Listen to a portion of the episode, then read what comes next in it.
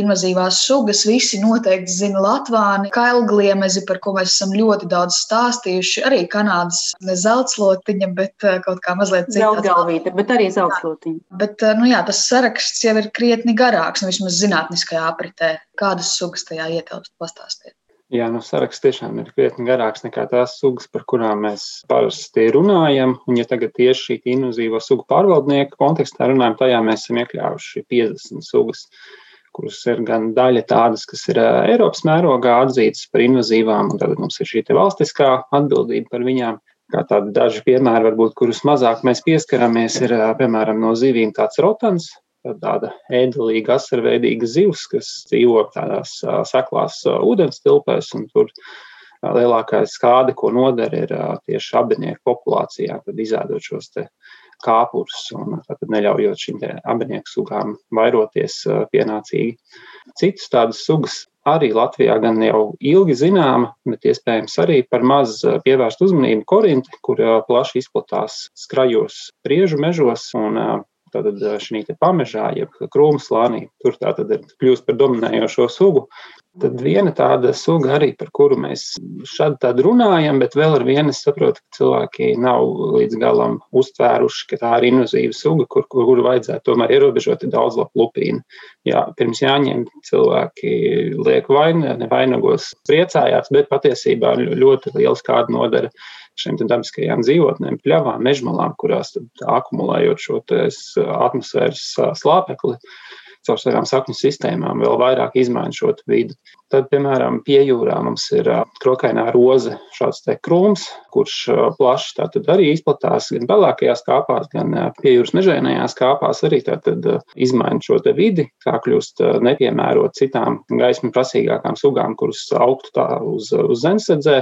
Vēl tādas sugas, kas ir jau ilgāku laiku, arī ir Amerikas signāla vēzis un dzeloņu vaigu vēzis. Tās ir divas tātad vēžu sugas, kas ir mūsu saldūdeņos sastopams un pirmkārt jau konkurētspējīgāks par Latvijas vietējo platspīļu vēzi. Liela problēma, ka viņi pārnēs arī šo vēžu mēru, kas viņiem pašiem nav bīstams.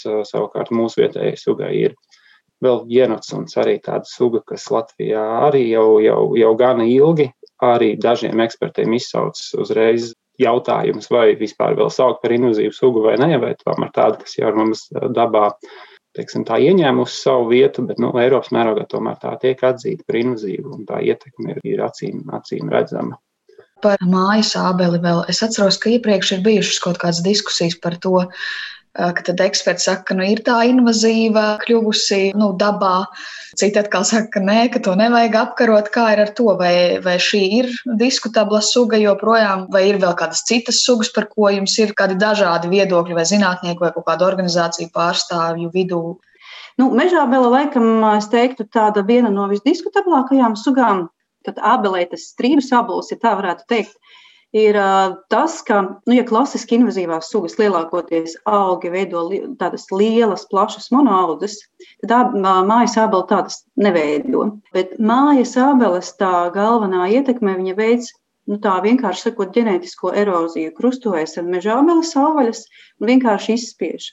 Un, uh, daudz botāniķi uzskata, ka Latvijā meža abele principā iespējams vairs nemaz nav sastopama tieši dēļ šīs krustošanās tādā efekta.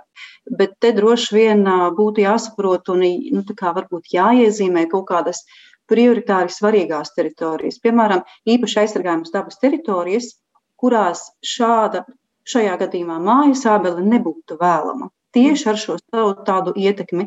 Jā, tas nu, nozīmē, ka sugas, visas invazīvās sugas nedrīkst likt vienā katlā.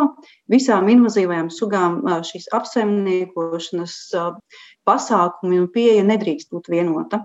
Viņas ir jāklasificē, viņas ir jādala, skatoties katrai sugai, nu, kas tad ir piemērotāks vai nē. Tieši tāpēc mums ļoti, ļoti ir vajadzīga iedzīvotāju iesaiste ar ziņojumiem, jo līdz šim Latvijā nav veikta tāda mērķtiecīga invazīvo sugu izplatības datu ieguve. Vajadzīgs vairāk informācijas. Tas ļoti svarīgi. Kā ir ar šo sarakstu? Vai tajā oficiāli joprojām ir tikai Latvānis? Vai tas šo daudzo gadu garumā ir nu, beidzot papildināts. Jo no vienas puses jūs arī teicāt, ka varbūt dati nav tā pārāk vākti, bet bija taču arī tā, ka Daugopils universitāte veica kaut kādu monitoringu invazīvo sugu. Kaut kas jau gadu garumā ir darīts, bet vienkārši jautājums, jā, kas ir tas iemesls, kāpēc tas saraksts joprojām tik īss? Jā, nu šobrīd tā normatīvos aktos, ja skatāmies tieši Latvijas nacionālos, tad jā, vēl ar vienu mums ir tikai viena invazīvā suga, kas ir Sasnauskas latvāns, visiem zināmais.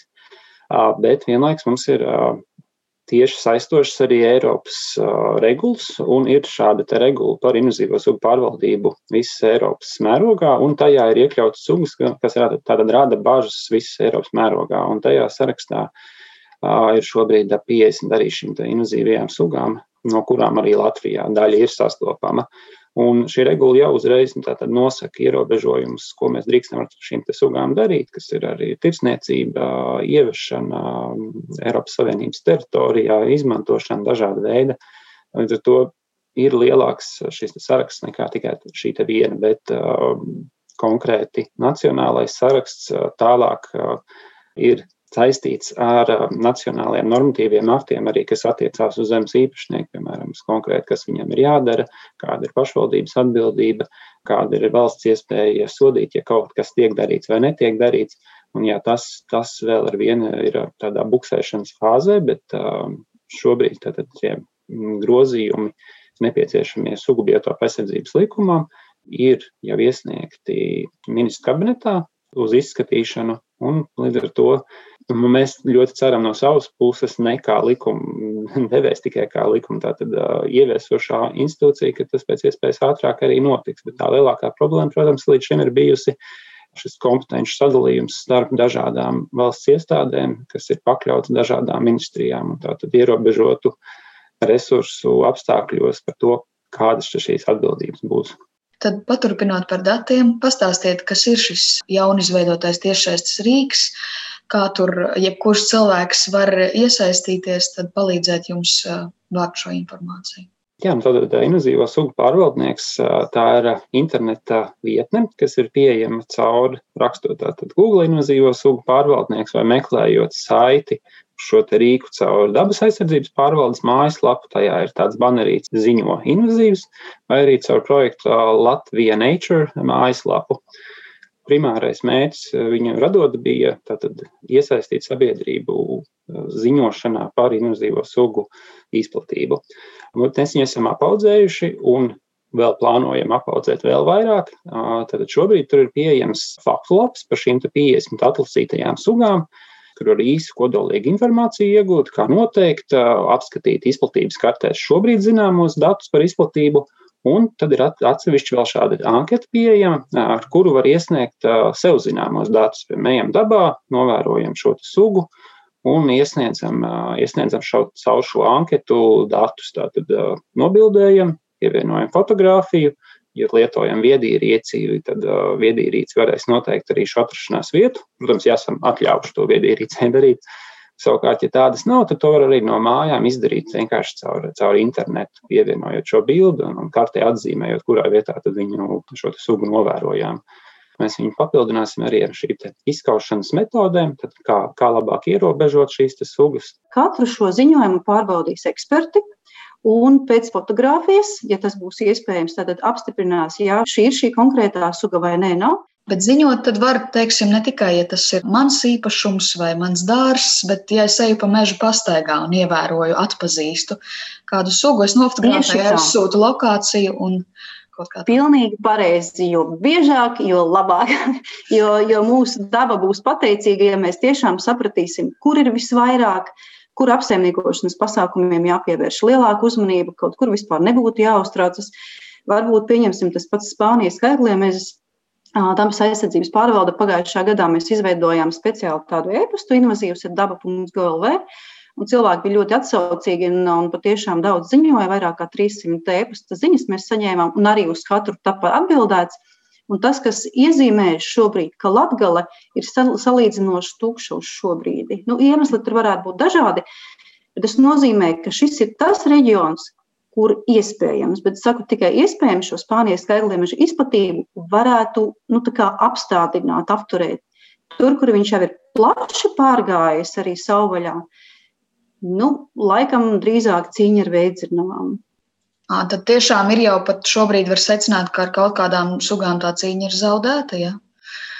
Nu, es nevaru teikt simtprocentīgi jā, bet ļoti iespējams.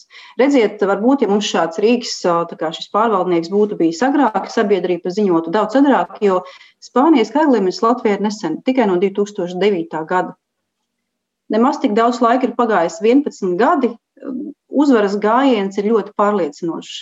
Ja šādi ziņojumi vai iespēja ziņot būtu bijusi agrāk, iespējams, ka citu, viņš droši vien būtu, bet tas būtu vairāk reģionāli. Ja, tāpēc arī šobrīd uh, sociālos tīklos ir ļoti daudz cilvēku komentāru par to, kādas sugas ir ieliktas, un visas nebūtu nav invazīvas. Tur jau tā lieta, ka uh, vislabākā izskaušanas metode invazīviem sugām ir sugu neielaist valstī. Un tāpēc mums ir jāvērš uzmanība īpaši tādām sugām, kuras ir nevis plaši Cīņa ar sasnauska latvāni sarežģīta, ilga, dārga, arī veselībai bīstama. Ja? Vieglāk tikt galā ar tādu sugu, kura tikko ienāk. Bet pamatā tās sugas, teiksim, Latvijā ir nonākušas saistībā ar kaut kādu cilvēku iejaukšanos vai darbību, vai arī tie ir dabiski procesi kaut kādās situācijās. Lielākoties tas ir, ir apzināta cilvēka darbība. Vai nu tās ir dekoratīvas sugas, vai nu tā ir um, lobbarības kultūra, vai nu tās ir pārtikas kultūras dzīvniekiem, tie ir medījumi vai kažokzvēri vai uh, makšķerējamas zivis. Absolūti lielākā daļa ir apzināti ievesta no ar cilvēku palīdzību. Skaidrs, ka nekā invazīvās sugas. Neviens jau viņas nevies ar tādu domu, ka nu, tagad būs invazīvā. Nē, kaut kādu savu vērtīgu īpašību dēļ mums viņa varētu būt noderīga. Nu, tikai izrādās tā, kā izrādās.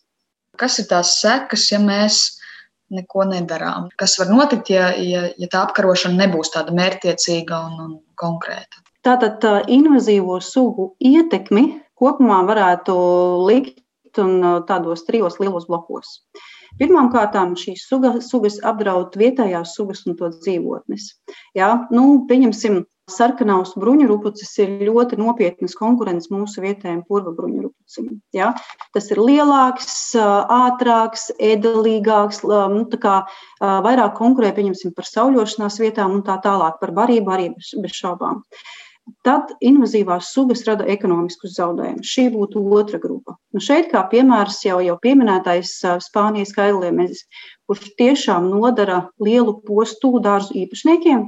Un tad es lasīju, ka Norvēģijā un Zviedrijā zemeņu īpašnieki audzētāji bija ļoti neapmierināti, ka Spānijas kailiemes ir apēdis apmēram 50% zemeņu ražas. Skaidrs, ka varbūt ne tiešām, bet ja tā zemene jau ir aprausta, viņa vairs nav, nu, nav teiksim, tirzniecībā, viņa nav izmantojama. Tā ir otrs bloks. Trešais bloks tie ir kaitējumi cilvēku veselībai. Šeit mēs visi ļoti labi zinām Susnauska Latvāni šos bīstamos fotoķīmiskos apdegumus. Kā vēl vienu piemēru, gribētu tos teikt, ja mēs iedomājamies tādu Jāņu zāļu pļavu, kura ir dabiska, kur mēs ejam un plūcam dažādas zālītes, liekam vainagā un, un pušķos, un viņas tur ir. Tas ir tāds nosacīti tāda daudz dzīvokļu māja, jo dažādāka vide, jo dažādāki bezmugurkalnieki tur dzīvos, jo dažādāki, pieņemsim, pēc tam pūtni vai, vai zīdītāji tur dzīvos, būs dzīves vieta vai būs, teiksim, barošanās vai pieturas vieta.